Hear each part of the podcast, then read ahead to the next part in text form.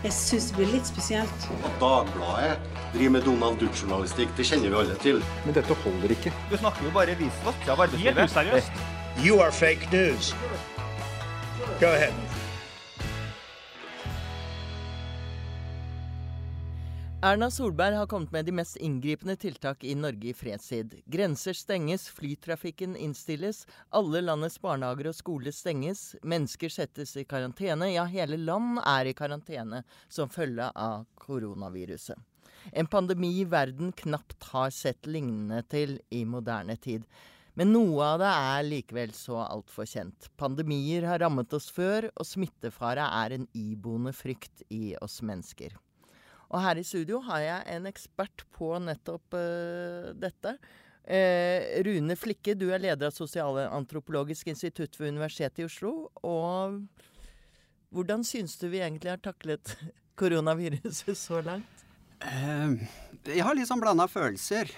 tiltakene som kom nå, kom sent, men godt. jeg har jo savnet litt klarere styring helt fra starten av hatt inntrykk av at uh, folk har vært mer interessert i økonomi enn faktisk å lytte til rådene som kommer, uh, kommer fra medisinsk hold.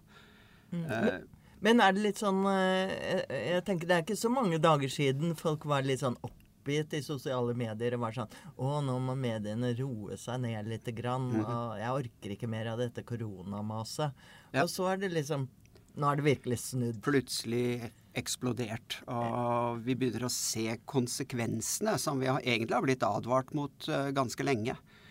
Så jeg må, jeg må, si at det er, uh, det det har vært litt rart å stå på sidelinjen og følge med og se på reaksjonene. Og det er jo fullt av det i sosiale medier.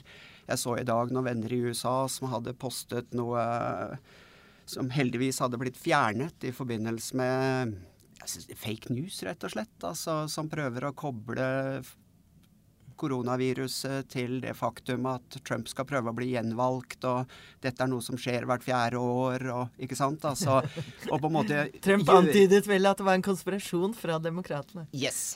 Så ikke sant? Altså, det er masse, masse sånne ting som er i bevegelse. Og du har triste utslag òg, med innslaget fra Visjon Norge, hvor eh, folk skulle betale 2000 kroner for å beskytte barna sine mot, vi, mot viruset osv. osv. Ikke sant? Altså, du ser en lang rekke, lang rekke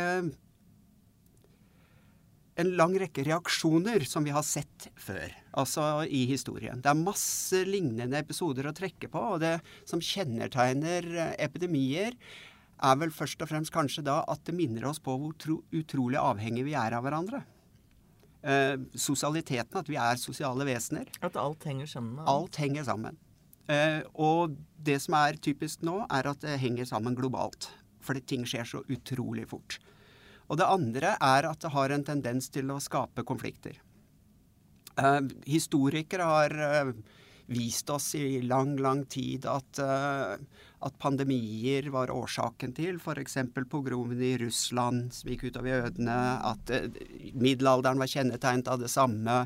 Du har den såkalte irskesyken som rammet Irland i 1817-1818, hvor engelskmennene på en måte gjorde irene til den absolutt andre som var problematisk. Så det, det trekkes opp grenser, men det på en måte historikk... Og gjennom smitte er jo ofte det at man legger skylden på noen, en gruppe som man kan liksom peke på. Vi hadde jo hiv-epidemien, mm. hvor, hvor, man typisk eh, pekte på homofile. Det mhm. viste seg jo ikke være helt presist, for å si det forsiktig. Ja. Eh, men, eh, men, det ble jo en slags sånn homopesten, kalte man det. ikke sant? Ja, ja. ja. Og det gikk jo langt inn i politikerrekker med, med Reagan og andre ja. på, på den tiden. Og jeg tror litt av grunnen til det er en sånn menneskelig tendens til å skulle på en måte materialisere ting. Altså smitte, det er så vanskelig å gripe det. Det er noe som er i luften som vi ikke kan se, som vi ikke, ikke, ikke sanser på noe som helst måte. Og opp gjennom historien så har det vært store forsøk på å prøve å materialisere hva det dreier seg om. Og da kan det være utseende, det kan være lukt. Eh, går igjen som en veldig vanlig faktor. Uh, fra 1500-tallet og utover så bygget de på hippokratisk og galenisk medisin. Og da var det, da var det miasme som sto i fokus. Altså en idé om urene atmosfærer. Det er luften du pustet inn som gjorde deg syk. Mm.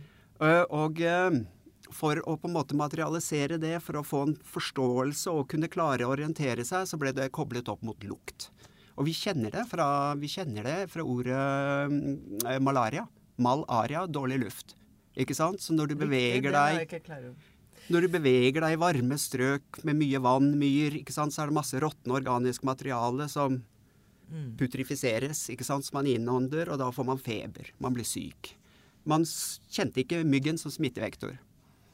Så vi, Og smittefaktor, selvfølgelig, som urenhet generelt. Mm. Altså urene dyr, kakerlakker, eh, skadedyr ja. osv. Ja. Og dette er veldig, veldig tydelig i uh, Afrikas historie, som jeg har jobbet mest med. Hvor uh, du ser de første uh, utforskerne av Afrika var jo ivrige karttegnere. Og de skrev ned detaljerte beskrivelser av omgivelser, natur, de tok temperaturmålinger, luftfuktighet, de var opptatt av sånne ting. Og disse kartene leses egentlig best som, eh, som medisinske kart. Det er hvor kan man bevege seg for å holde seg frisk i Afrika, som er så varmt. Og det er så mye da råtne organisk materiale i luften som, som kommer fra naturen. Så Sånn sett så var det kritiske offentlige helserommet før bakterien ble oppfunnet, den, dreide, den var mellom mennesker og fysiske omgivelser. Som gjorde det at det å være i nærheten av afrikanere på den tiden, under epidemier, det var ikke noe sånn u, i utgangspunktet stort problem. Mm. Det var naturen. Men, men, dette skillet da mellom, som du antyder her, mellom liksom egentlig de hvite kolonialistene da, mm -hmm. og imperialister som kommer inn, og som man skal liksom holde seg atskilt det eh, har man sett i nyere eh, afrikansk historie, ja. f.eks. i Sør-Afrika. Masse. Og litt av, litt av, greia der er at man hadde den ideen. Altså, eh, Engelskmennene snakket om arbeiderklassen som the great unwashed. De var smittefarlige. Rene ikke sant? Ja. Der kunne du se møkken pga. hvite huden, pga. klærne. Mm. Uh, de hadde den ideen om at pga. den mørke huden til afrikanerne, så var det vanskelig å se den. Men det putrifiserte det, ikke sant? og avga miasme. Som gjorde at man også var redd for å etter hvert å komme nær afrikanere. For man var redd for å puste inn luften de forurenset. Mm. Uh, og det er jo interessant her. I, framover til så langt som andre verdenskrig så vokste jo såpeproduksjon opp som den stør nest største industrien i Afrika etter gruvedriften. Og det var direkte rettet mot afrikanere av frykt for hva de skjulte av elendighet som førte men til epidemier og pandemi. Men det ble jo da brukt, uh, som, som, du beskriver i rasesammenheng, men da også under apartheid så ble det jo da brukt uh, ja, rasistisk og politisk ja. for å skille ja. Skape disse lommene ja. i befolkningen. Det, og det som skjer under pandemier, er at man blir veldig, man blir veldig observer opptatt av hvor smittefarene er, og prøver å lokalisere det. Så det har jo en tendens til å skape, skape avstand mellom mm. mennesker. Uh, av frykt for hva som faktisk beveger seg mellom oss. Og de første segregasjonslovene i Sør-Afrika er faktisk offentlige helselover. Og de kom etter eh, pestutbrudd, altså svartedauden, i januar 1901 i Cape Town hvor umiddelbart den afrikanske delen av befolkningen, som levde veldig tett på de hvite på den tiden Rasehistorien i Sør-Afrika er kompleks. Uh, Cape Town var en stor havn. De levde av handel. De levde ikke av gruvedrift, som de gjorde i Johannesburg. Og det skapte to forskjellige uh, forhold mellom hvite og afrikanere.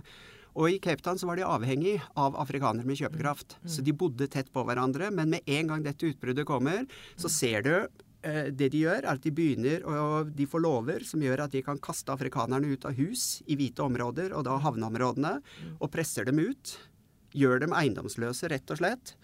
Og det er offentlige helselover som styrer dette. Og de bosetter dem langt utenfor byen, i hva som fortsatt er en sort township utenfor Cape Town.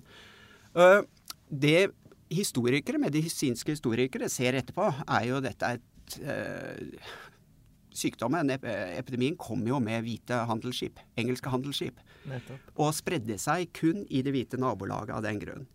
Men jeg tror det er dette behovet for å på en måte alltid peke på skyld og ansvar utenfor en selv, som på en måte kicker Det ska, inn. skaper raskt en eh, forestilling om også dem. Og det Ja. ser man jo når, eh, som vi skal snakke om litt etterpå, om eh, hvordan eh, dette begrepet også blir brukt i kunsten og kulturen som en allegori Mhm. for, eh, for autoritære regimer. Mm. Uh, og uh, jeg tenker dette med eh, Det er jo en litt sånn tveget sverd hvis vi skal nærme oss det som skjer nå i disse dager, med Mm. at man bruker smittevernlover uh, mm -hmm. som, er, som er allerede eksisterende, og hjemler da drastiske tiltak i det. Og Eh, det er noen som, eh, som sa at uh, unnskyldte Erna Solberg med at hun var litt somlete fordi at hun trodde at folk ikke ville ha eller akseptere så strenge lover. Men så viser det seg at eh, på Facebook dukket jo opp eh, grupper som sa at vi vil ha strengere lover. Vi vil at noen skal fortelle oss hva vi skal gjøre. Vi Ja. vil at noen skal stenge skolen, og de skal gjøre det, dette og dette. Hva er det som oppstår der? Er det når frykten setter inn? At man vil ha noen som eh, At man aksepterer at myndighetene griper hardt inn? Ja. Ja, det tror jeg definitivt. At man ønsker klare re regler. Og så er det jo også sånn blant oss at vi er jo stort sett veldig pliktoppfyllende Ja. arbeidstakere. Og Ja. går jo rundt ofte og føler på usikkerheten. Hva Ja. er det som foregår? Vi vet og vi ser og vi føler at det er noe som er på gang, men vi vet ikke Vi vet ikke hvordan vi skal håndtere det. Vi vet ikke rett og slett ikke hvordan jeg personlig bør gripe an dette, samtidig som jeg på en måte gjør min arbeidsplikt og gjør min uh, plikt også som forelder. Overfor barna. Skal de gå i barnehagen, skal de ikke? Hvis de ikke går i barnehagen, i alle dager, hvordan skal jeg ordne på en måte arbeidslivet mitt? Og det sniker seg inn en usikkerhet som jeg tror gir grunnlag for, uh, for nettopp en litt sånn mer, et ønske om en litt mer autoritær lederstil. Ja, ikke sant? Altså, nå var jo folk klaget over at Erna ikke var like autoritær som Mette Fredriksen i Danmark. ja. Ikke sant? Altså, vær streng med oss. Eh, så det er interessant at vi, at vi straks en sånn fare truer blir eh, ganske sånn overraskende autoritetstro mm -hmm. og, med en gang og bøyer oss for det eh, myndighetene sier. Og dette er jo egentlig denne pestens historie opp gjennom igjennom at pesten ble jo på en måte utryddet, i hvert fall den eh, pestperioden døde, med høy dødelighet i Europa Ja. var, var jo, ble jo utryddet av at, eh, av at staten fikk større makt, og at eh, liksom staten tok kontroll og ryddet opp. Og det er kanskje det vi Ja, og det er sosialmedisin. Ja. Ikke sant? Det fokuserer ikke på den enkeltes kropp lenger. Altså det er, det, er, det er det sosiale som man må håndtere. Og det er litt interessant også, fordi i europeisk historie så vokste jo ikke de store europeiske byene uten innflytting eh, før på rundt sånn 1840-1850-tallet. Eh, for dødeligheten var så stor. De hadde lang eh, rekke epidemier i London f.eks. på 1830-40-tallet. eh, som eh, endte med en som er John Snow, som gjorde et studie under en koleraepidemi, som oppdaget eh, rett og slett gjennom litt statistisk metode å plotte inn hvor folk hadde beveget seg, de som ble syke, og funnet ut at det var et eller annet som skjedde rundt en vannpumpe i Broad Street i London. Eh, og det de gjorde da, var jo å stenge av dette som sted. Ikke pga. kolera, ikke sant, med en moderne smitteforståelse, men de mente at det var luftforurensningen, altså som eh, miasmen, som hadde gjort det. Og det medførte jo umiddelbart at smittetilfellene falt. Og en som het Edwin Chadwick, som var sekretær for Jeremy Bentham, som de som er opptatt av lest litt filosofi, vet hvem er. eh, han brukte dette argumentet og, og fikk masse sånn eh, polås, fatt, fattiglover, og, som på en måte ønsket å skape sosial kontroll rundt. Og da dreide veldig mye seg om renslighet. Han satte i gang et stort prosjekt som skulle grave kloakk og vann som tidligere ble øst rett ut i gaten og, og rant i gutters. Eh, eh, det ble gravd ned. Og med det så forsvant jo epidemiene i veldig stor grad. Og han mente det var pga. miasme. Det vi vet i dag, er jo at det er jo helt andre smittefaktorer. Så han hadde en feil teori, men et riktig resultat. Så rett og slett Det er ofte sånn eh, fremskrittet kommer. Ja. Og dette var, dette var engineering. Mm. Det var jo ikke medisin. Men det er jo på en måte kanskje den største revolusjonen i medisinens historie, egentlig. Jeg tenker, vi, vi snakker jo nettopp eh, om at det er Vi har ikke opplevd maken i moderne tid. Og da tenker Mm. vi nettopp på dette når de sier at de ikke har vaksine. Vi føler oss jo så beskyttet Mm. at, eh, at eh, i hvert fall her i Norge, rike Norge, så kan vi liksom ikke mm. Vi blir ikke rammet av dette her. Ja. Eh, er det liksom en del av den uroen som oppstår? At det virker som om eh, man snakker hele tiden eh, Helsemyndighetene sier faktisk den er ute av kontroll. Og det er ikke noe vi er vant til. Jeg ser på Twitter så så jeg en som skrev at det er som krigstilstander. Og da tenker jeg at uh, nordmenn er godt vant. Men, uh, Ja. men, for det er det jo ikke. Men det viser litt av den uroen, og at vi føler at vi ikke har helt kontroll. Ja. Og vi, er, vi, er, vi har et fantastisk helsevesen, og vi har, føler oss trygge, og vi har grunn til å gjøre det også. Men Så dette er jo helt ukjent eh, territorium for oss. Eh, men for foreldre- og besteforeldregenerasjonen vår så var det jo egentlig veldig, veldig annerledes. Eh, jeg hadde Min bestefar eh, var gift to ganger. Den første kona hans døde under spanskesyken i 1918. Ikke sant? Så det har vært en sånn historie som har gått igjen. Og det er jo på en måte kanskje den siste store, store pandemien. Og den strakk seg vel fra ja, var det januar 1918 til desember 1920. Ikke sant? Eh, ting beveget seg mye saktere. Eh, du kan jo tenke deg hvordan folk følte det da. Med all usikkerheten og ikke vite hva det var som foregikk rundt dem. Men folk ble syke, og de døde i stort tall. Og jeg vet i Sør-Afrika f.eks., som jeg har lest litt uh, medisinsk historie og plottet litt, så ser du at det, den traff Sør-Afrika i oktober 1918. Og du ser spredningsmønsteret. Det var handelsnettverk. Det var hvite handelsnettverk. Der ble folk syke, og de døde. I st store tall. Det var hele landsbyer som forsvant under den epidemien.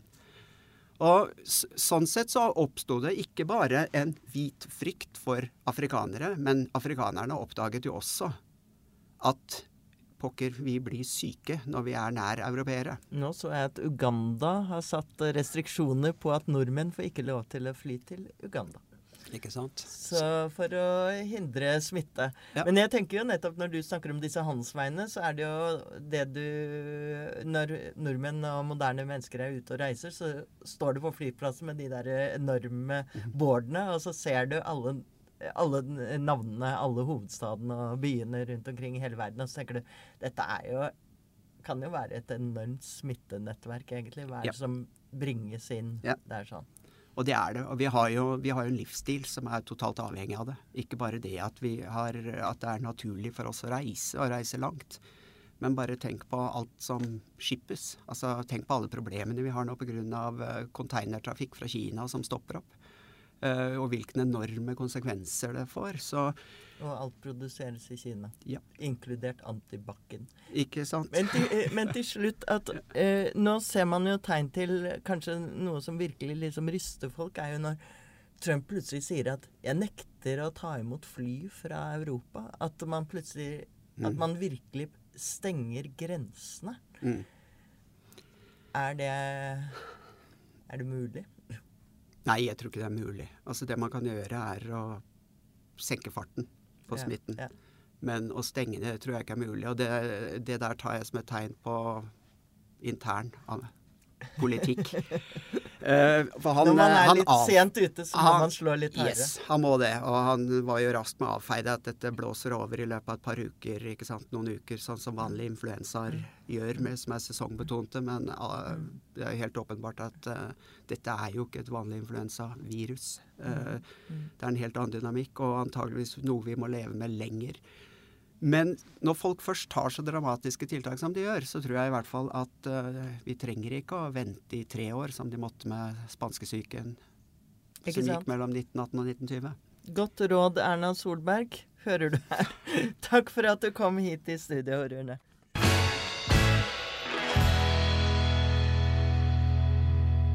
Vi skal gli sømløst over i et beslektet uh, tema og vinkling uh, om koronaviruset, for det er det alle snakker om, så vi må bare fortsette å snakke mer om det.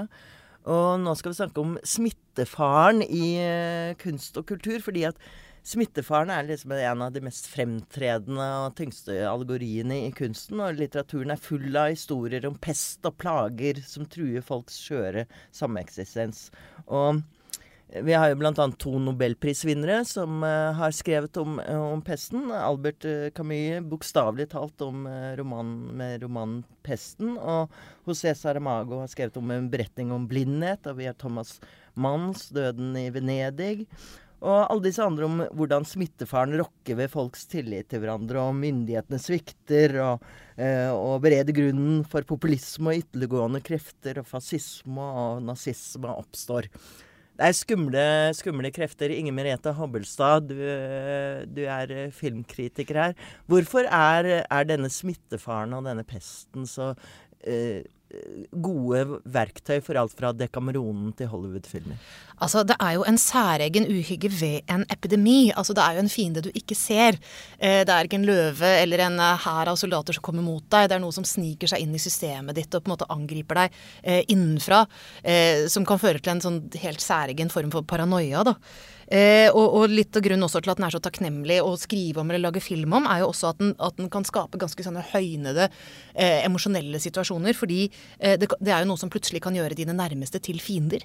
Eh, altså Plutselig så er det det å søke nærkontakt med de det er naturlig å søke trøst hos, naturlig å klemme. Plutselig, plutselig blir du redd for dem. Redd for hva du kan gjøre med dem. Eh, du må sky kanskje foreldrene dine, barna dine. altså Det er sånne potensielt hjerteskjærende situasjoner da, som kan oppstå i, i det. Eh, og en tredje årsak tenker jeg at, at det er noe som blottstiller eh, spenninger og motsetninger i samfunnet. Fordi når noe sånt bryter løs, da, du kan si eh, hva er det man tenker er grunnen til at dette skjer? Hvem er det som har skylda? Hvem er det som tar det med seg inn et sted der det ikke var eh, fra før? Eh, og da har det vært nok av eksempler i historien og relativt nylig på at man peker ut de fremmede. Eh, altså Det var den særlivet konspirasjonsteori om at jødene forgiftet brønnene eh, under en av de historiske jødeforfølgelsene. Eh, og, og, vi har jo faktisk sett nå med koronautbruddet at, at, kinesere har vært utsatt for ganske grov rasisme fordi de ble sett på som, som smittebærere. Eh, så det er noe med at noen sånne motsetninger eller sånn skepsis som ligger latent, plutselig kommer til overflaten da, når vi er stilt overfor en sånn eh, situasjon, og som selvfølgelig gjør epidemien at det kan bli en veldig sånn kraftfull metafor for den som vil se nærmere på hvem som regnes som å være innenfor, og hvem som regnes som å være utenfor. Pesten av Albert, eh, Albert Camus Eh, Camus, er det sånn det uttales? Eh, fransk var ikke mitt sterkeste språk. Men eh, eh, den er altså nå nummer to på bestselgerlisten i Italia. Er dette, viser det, Merete, at, eh, at den belyser nettopp det du snakker om? Eh, ja, og jeg tror disse italienske leserne kan få seg en liten støkk. Fordi det er ganske mye ved, ved pesten som er litt sånn Som kan minne i påfallende grad da, om samtalene vi har nå i forbindelse med koronaviruset og måten vi lever på. altså Blant annet så beskriver beskriver den jo eh, det med hvor vanskelig det er å ta inn over seg at noe svært og alvorlig er i ferd med å, med å inntreffe. Da. For den beskriver de der gradene av at man innser dette. altså Det begynner å hope seg opp rotter i gatene. Og folk snakker om at det er litt vemmelig, håper det blir ryddet opp snart. Eh, de tøyser med det. Og så er det noen som blir syke, og så er det liksom Å, han, han var jo ganske frisk, ja ja, ikke sant? Men at man skjønner at det er noe, men at man ikke tenker at det er, det er så alvorlig. Og så begynner det å synke inn, da det er noen som snakker sammen i, i pesten, eh, om det med at egentlig har vi ikke helt fantasi til å ta inn over oss at vi kan bli truffet av enten en krig eller en epidemi. Altså at det er en sånn svær bølge som kommer til å, til å rulle innover oss. Altså vi, selv om man vet at det skje, har skjedd andre steder i historien, i verden, så er det bare vanskelig å se for seg sitt eget liv eh, rammet av noe sånt. Eh, og du snakker med, med, moren din eller broren din eller vennen din og sier noe trivielt og hverdagslig og ha det bra, ikke sant? Vi ses det på torsdag. Vi ser jo dette daglig daglig med reaksjonene i sosiale medier. Hvor mm. folk liksom først var helt sånn Nei, mediene er mhm. helt hysteriske. Og så er det liksom, Nå ser du at det begynner å endre seg veldig. Ikke sant? Og så, plutselig får de beskjed om at nå får du ikke se den personen du nettopp sa lett ha det bra til. Nå får du ikke se den personen på, på ubestemt tid. Får ikke besøke bestemora di. Får ikke besøke bestemor, eh, gitt. Og, og, i pesten også så settes jo folk i karantene. Og det handler litt om hvordan de tenker om det å være i karantene. Eh, folk som kanskje har hatt litt sånn stusslig ekteskap, som plutselig sitter der og savner eh, ektefellen sin eh, likevel. Eh, men det brukes også en, en fin eh, formulering, fordi Camus skriver at det er som å være i eksil samtidig som du er hjemme. Fordi den sorgen du kjenner på, er, er det samme som en person som er eksil kjenner på. Eh, fordi du er borte fra dine nærmeste, du er borte fra dine vaner, du er borte fra ditt vanlige liv. Eh, så du går der med, med en lengsel etter det som er nært, men likevel helt utilgjengelig. Da, som du bare ikke kan, kan eh, gå ut og, og benytte deg av. Så når du sitter der på hjemmekontoret ditt, les for guds skyld pesten og bli oppmuntret. Apropos eh, forgiftning, holdt jeg på å si. La oss bringe inn også matredaktør Kristoffer Sjue. Du, eh, du har eh, skrevet hjemmeoppgave om pesten.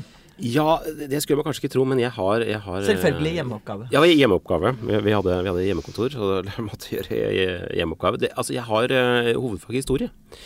Det er godt bart hemmelighet, det, altså. Men det Jeg husker veldig godt at vi fikk en hjemmeeksamen hvor, hvor premisset var at uh, altså det kom uh, et skip til Bjørgvin i 1349. Uh, og da er jo forestillingen sånn at pesten kom til Norge med den ene båten. Hadde ikke den båten kommet, så hadde vi ikke hatt den pesten. Ja, det er en slags forestilling som har, som har stivna, og som, som, ikke har blitt problematisert noe særlig. Før da eh, professor Benediktov sier dette kan, dette kan jo ikke være mulig. Det var selvfølgelig sånn at den kom inn flere steder samtidig. Og det var på en måte utgangspunktet for den oppgaven vi skulle, vi skulle skrive, da. Men det som er eh, kanskje verdt å reflektere over nå, da, er at eh, nå eh, Altså da var, på den tiden, var Norge selvfølgelig ekstremt spredt befolket. Ikke sant? Eh, allikevel så klarer pesten å finne eh, veier, flere veier inn. Men nå, altså virkelig Dette, dette er jo historien om ja. svartedauden. Det er historien om svartedauden, Jeg har et personlig forhold til det. Fordi Oi. at eh, det var en slekt som rømte til Jostedalen for å komme seg unna liksom, eh, pesten. Og likevel så ble de utryddet, så å si, eh, alle mann. Mm. Men ikke Jostedals rypa. Oi. Og ifølge folklore så er uh, nedstammer altså min slekt Heiberg-slekten uh, derfra. Og, altså, og, fun fact, det betyr altså også at lederen av Folkehelseinstituttet Oi. Camilla Stoltenberg nedstammer fra Jostdalsrypa. Så, så når, det, når dere blir kalt ryper Det er dere to som kommer til å stå igjen når alt dette er over. Jeg, jeg, jeg tror ikke det var kanskje koronaviruset som var der. Men dette med at eh, det blir en sånn potent allegori har vært gjennom hele tidene. Det viser jo at det er noen sånn urkrefter krefter som utløses, denne frykten og disse mekanismene som, som en slik smittefrykt skaper i samfunn. Eh, helt klart. Og den, eh, altså det, det, betyr jo at man kommer i, i, kontakt med følelser og sider av seg selv som man ikke trenger å forholde seg til i, i det daglige. Eh, og i denne litteraturen du snakker om, så blir jo dette altså Det er jo tema i alle disse bøkene vi snakket om, men det kommer til uttrykk på litt forskjellige måter. Eh, hvis du ser på Dekameronen, eh, som er, eh, kom på 1340-tallet, gjorde den vel, skrevet av Giovanni Boccaccio. der er det jo ti unge mennesker, syv unge kvinner, tre unge menn, som er i karantene, rett og slett. De er isolert på et slott ute på landet. De kan ikke lenger være i byen, for der, der herjer pesten. I Italia. Mm -hmm. ja, det, er, det er der det skjer. Eh, og så lurer de på om de skal spille spill, men så er det en av disse unge damene som sier at nei, det bør vi ikke, fordi altså, de, de, kjenner jo hverandre ikke spesielt godt. Og spill vil skape vinner og tapere, altså det kan skape dårlig stemning. Eh, så det de bestemmer seg for å gjøre, det er å fortelle hverandre historier, for det kommer alle til å ha glede av, eh, uten at det skaper et sånt hierarki, da.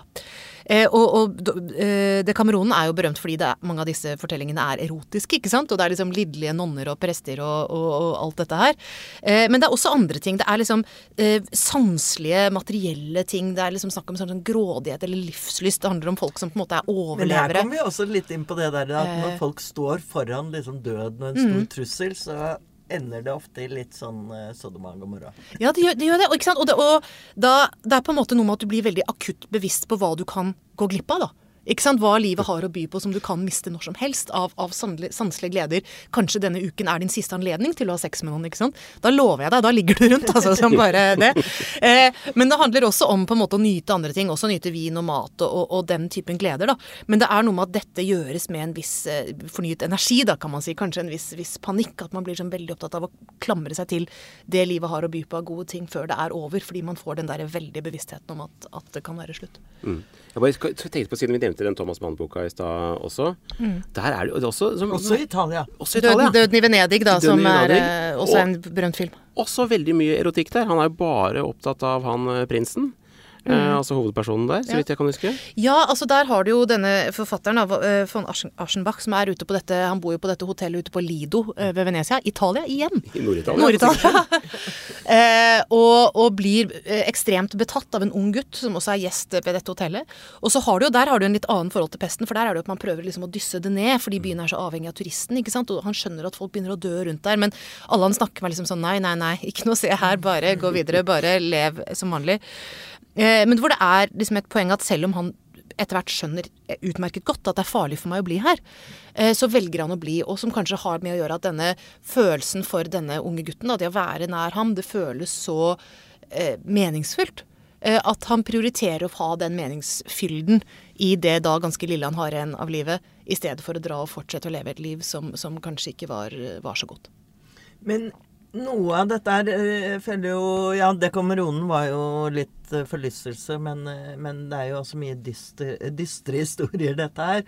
Eh, men noe fascinerende med både, eh, både pesten og en beretning om, om blindhet, er jo at eh, den også forteller om menneskelig selvoppofrelse i slike kritiske situasjoner. Og det er sånn man, man kanskje kjenner igjen fra historier om krigen, de der liksom gikk inn og ofret seg. I pesten så er det en lege som liksom går inn og ofrer seg, selv om han vet at han da vil bli smittet.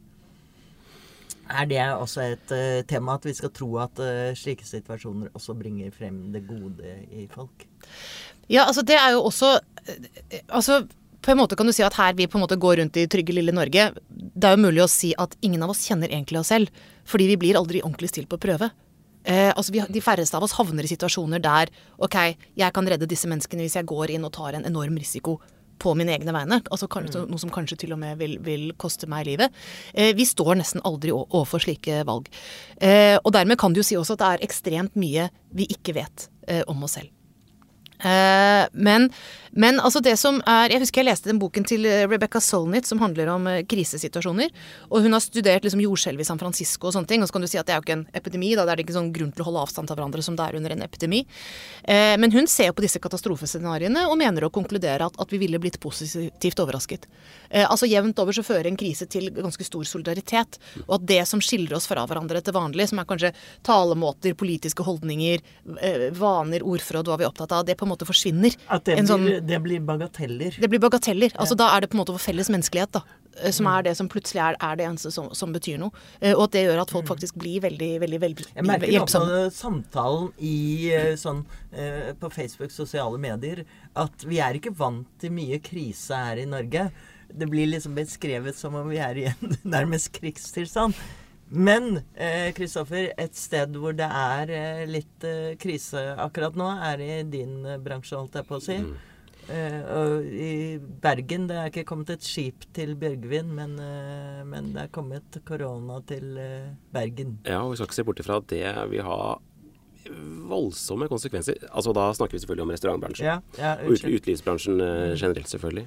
Nei, eh, da, eh, jeg må bare si jeg, jeg snakket med eh, min navnebror Kristoffer Håtuft på telefonen i går. Og det er et ganske dystert bilde. Kjent eh, menneske. Ja, altså han er kokk og driver eh, flere restauranter, bl.a. Lysverket. Også restauranten Hoggorm um, og Damsgård. Men han, eh, han forteller eh, det som er spesielt med, med utelivsbransjen, og restaurantbransjen spesielt eh, da, er at de har så små marginer.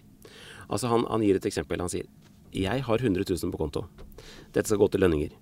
Jeg er helt avhengig av at gjestene kommer inn. De pengene som de gir fra seg, de gir jeg rett videre til mine ansatte. Som er et ganske godt bilde på hvordan de nesten bokstavelig talt da lever fra hånd til munn. Dette eh, gjelder ikke bare liksom, restaurantene som sådan, som ikke har noe buffer, men det gjelder også de som jobber der. Han kan ikke si til sine ansatte Vet du hva, eh, nå blir det ikke lønn på tre måneder. De har, I stort sett har de temmelig lave lønninger og ingenting å skli på. Eh, altså Hvis dette går sånn som vi nå kan frykte, så sier han rett ut at eh, altså, ingen vil overleve det her. Altså, da kommer alle til å gå konkurs. Det er ganske brutalt. Eh, men det er på en måte Det er en helt reell frykt, når, sånn som vi ser dette. når- når vi snakker om Bergen, så er det jo også et spesielt fenomen kanskje som rammer særlig Bergen. Altså den sesongen de står foran nå, er jo ekstremt. Altså vi har, ja, er- ja, vi, har eh, vi har festspillene, selvfølgelig. Så har vi eh, nordiske mediedager, som også er svært. Så er det Eh, Gullruten, Gullruten, og? Festspillene. Alle, alle disse Ja. tingene er ikke avlyst ennå. Eh, men de står jo i fare for å bli det. Og det er sånn eh, med den bransjen at de lever ofte på pengene de fikk til jul. De lever de på helt fram til mai, når denne eh, festivalsesongen, skal vi kalle det det, festival- og konferansesesongen virkelig tråkker til igjen. Og så skjer den krisa nå. Altså det er en dobbeltkrise for denne bransjen. Så det her, eh, altså, De gjør selvfølgelig alt de kan. og håper å si, Vi må jo oppfordre publikum til å ikke bare være hjemme. De burde kanskje gå ut også, selv om det kanskje ja, ikke sant? De er i en sånn Nå skvis, er da. Skal vi si at alle skal en komme ut? til å Ja. få bord på Der du aldri får disse bord. Michelin-restaurantene. For det, altså, det er god tid for de fryktløse, kan vi si. Men eh, nesten apropos det vi snakket om i sted, da, så kan man jo si at dette får oss til å kjenne på forskjeller, også andre forskjeller som vi ikke kjenner på i det daglige. Eh, fordi her ser vi også forskjellen på det å være engasjert med næring, altså være næringsdrivende eller, eller ansatt av en næringsdrivende, og det å være offentlig ansatt f.eks., eller, eller få lønn fra andre typer virksomheter. Da. Eh, og vi ser forskjellen på det å, å ha en jobb som beror på store menneskemengder. Altså at folk samler seg et eller annet sted i det offentlige, om det er på en restaurant, om det er på en konsert, om det er en kinosal. Eh, og det å holde på med noe som på en måte både skapes og konsumeres. Som, altså som du kan både skape og konsumere i enkeltrom, da. Eh, ikke sant? Eh, altså det, det er jo snakket om at dette er en forferdelig Og kulturbransjen er jo i ekstrem grad også Ikke rammet nå. Altså, men det også alle konsertarrangører. konsertarrangører sier at de er i samme situasjon som eh, restaurantene. ekstremt. Men der kan du igjen se at, at for sånne som oss, da, for forfattere, så er det jo en annen sak fordi man skriver. ikke sant? Du kan sitte i karantene og skrive, du kan sitte i karantene og lese. Eh, men for alle de, og som er da faktisk omtrent de fleste andre eh, kunstformene, eh, som er avhengig av at, at folk kommer ut som gruppe eh, og tar til seg dette, så er jo dette en forferdelig, forferdelig skummel tid. Og dette er jo virkelig altså grupper som i utgangspunktet er, er lavtlønnsgrupper. Altså det er jo ofte idealistiske valg som ligger, ba- ligger når folk går de yrkesveiene. Og, og eh, jeg har bare Hjertet mitt går ut til dem nå, for dette tror jeg er en eh, fæl tid. Så, så er det, er det liksom en, det er ganske mye lærdom. Dette er kanskje ikke ting som man tenker over så nøye, hvordan disse tingene henger sammen. Men det blir bare så innmari tydelig. Når vi ser at den ene festivalen etter den andre, den ene konferansen etter den andre eh, bare rett og slett avlyses. Og så hvordan det henger sammen med da kafeer og restaurantliv. Og så får, har de selvfølgelig underleverandører osv. Altså dette Altså den, den, den, den rare setningen med at alt henger sammen med alt, har på, kanskje aldri vært sannere enn den er nå. Ja, det er en påminnelse om at eh, rike Norge også er, eh, er en eh, skjør konstellasjon. Jeg skriver jo, som lytterne vet, mye om USA. Og der blir det ofte fremhevet at hele 78% av befolkningen er avhengig av neste paycheck. Altså de lever fra lønn til lønn. Eh, og hvis de ikke får den eh, lønne, lønningen, så er det over og ut. Men, eh, men sånn er det altså noen som lever eh, her òg, og det tenker vi ikke så ofte på. Så er det mer å si om maten også. Altså, vi, Norge er en ekstremt, ekstremt åpen økonomi. Altså på den måten at vi, eh, vi kjøper maten vår fra utlandet. Og skulle det selvfølgelig Altså skulle det bli sånn at, ikke, at, at man setter eh, restriksjoner på varer som kan gå på tvers av landegrensene, da er vi eh, på samme måte som restaurantbransjen eh, veldig uheldige med timinga. Fordi at akkurat nå, det fins altså ikke et norsk eple i butikken. Eh, Det, vi er liksom i det sorte hullet hvor det ikke Så gror noe er som helst. egentlig Jeg fikk ikke eh, invitert Trygve Slagsvold Vedum, men, men kortreist mat uh, fremstår som en god idé. Ja. Åh, men her må jeg også Altså om det er noe godt ved dette, så er det jo at det legger eh, tyngde til argumentene noen av oss har stått og hoppet opp og ned og mast om i, i mange år, da, nemlig at det er ekstremt viktig å ha en langsiktig matpolitikk og landbrukspolitikk. Eh, og her synger jeg for min egen syke mor, altså eller jeg skulle si min egen syke far, for jeg kom jo fra, fra gård. Eh, er bonde, da. ja. Her kan vi se. Og, og, og jeg er jo sånn som får vondt i magen når det er snakk om å legge Ikea på matjord. Og sånn.